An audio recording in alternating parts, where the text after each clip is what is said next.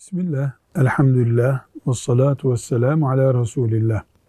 Kolostomi ameliyatı olmuş. Yani kalın bağırsağı mekanından alınmış, dışarı verilmiş. Böylece e, dışarı akıntısı normal bir insan gibi tuvalete giderek değil bir sistemle alınıyor ve kontrol altında olmuyor. Sürekli dışkı e, çıkıntısı oluyor. Bu Müslümanın abdesti hakkında dinimizin emri nedir?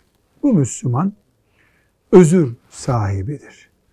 Özür sahibidir ne demek? Bir, her ezan okunduğunda abdest alması, abdesti bozucu başka bir şey olmadıkça bunu öbür namaz vaktine kadar, vakit çıkıncaya kadar abdesti kabul edecek. Yani bu ezan okununca abdest alır, o çıkıntılar devam etse de etmese de abdesti devam eder.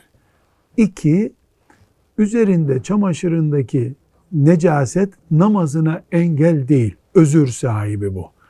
Bu şekilde ne kadar Allah ona afiyet verinceye kadar zaman yaşar yaşatırsa onun abdesti, namazı bu şekilde devam edecek. Başka hiçbir sıkıntısı yoktur. Eğer bunda da bir sorun yaşarsa, her vakit abdest almak gibi bir imkan da bulamıyorsa, Maliki mezhebinin iştihadıyla hareket edip, yani bir kere abdest alır, başka bir sebeple, o arıza dışında başka bir sebeple abdestini bozmadıkça abdestli olabilir diye de tatbik edebilir. Velhamdülillahi Rabbil Alemin.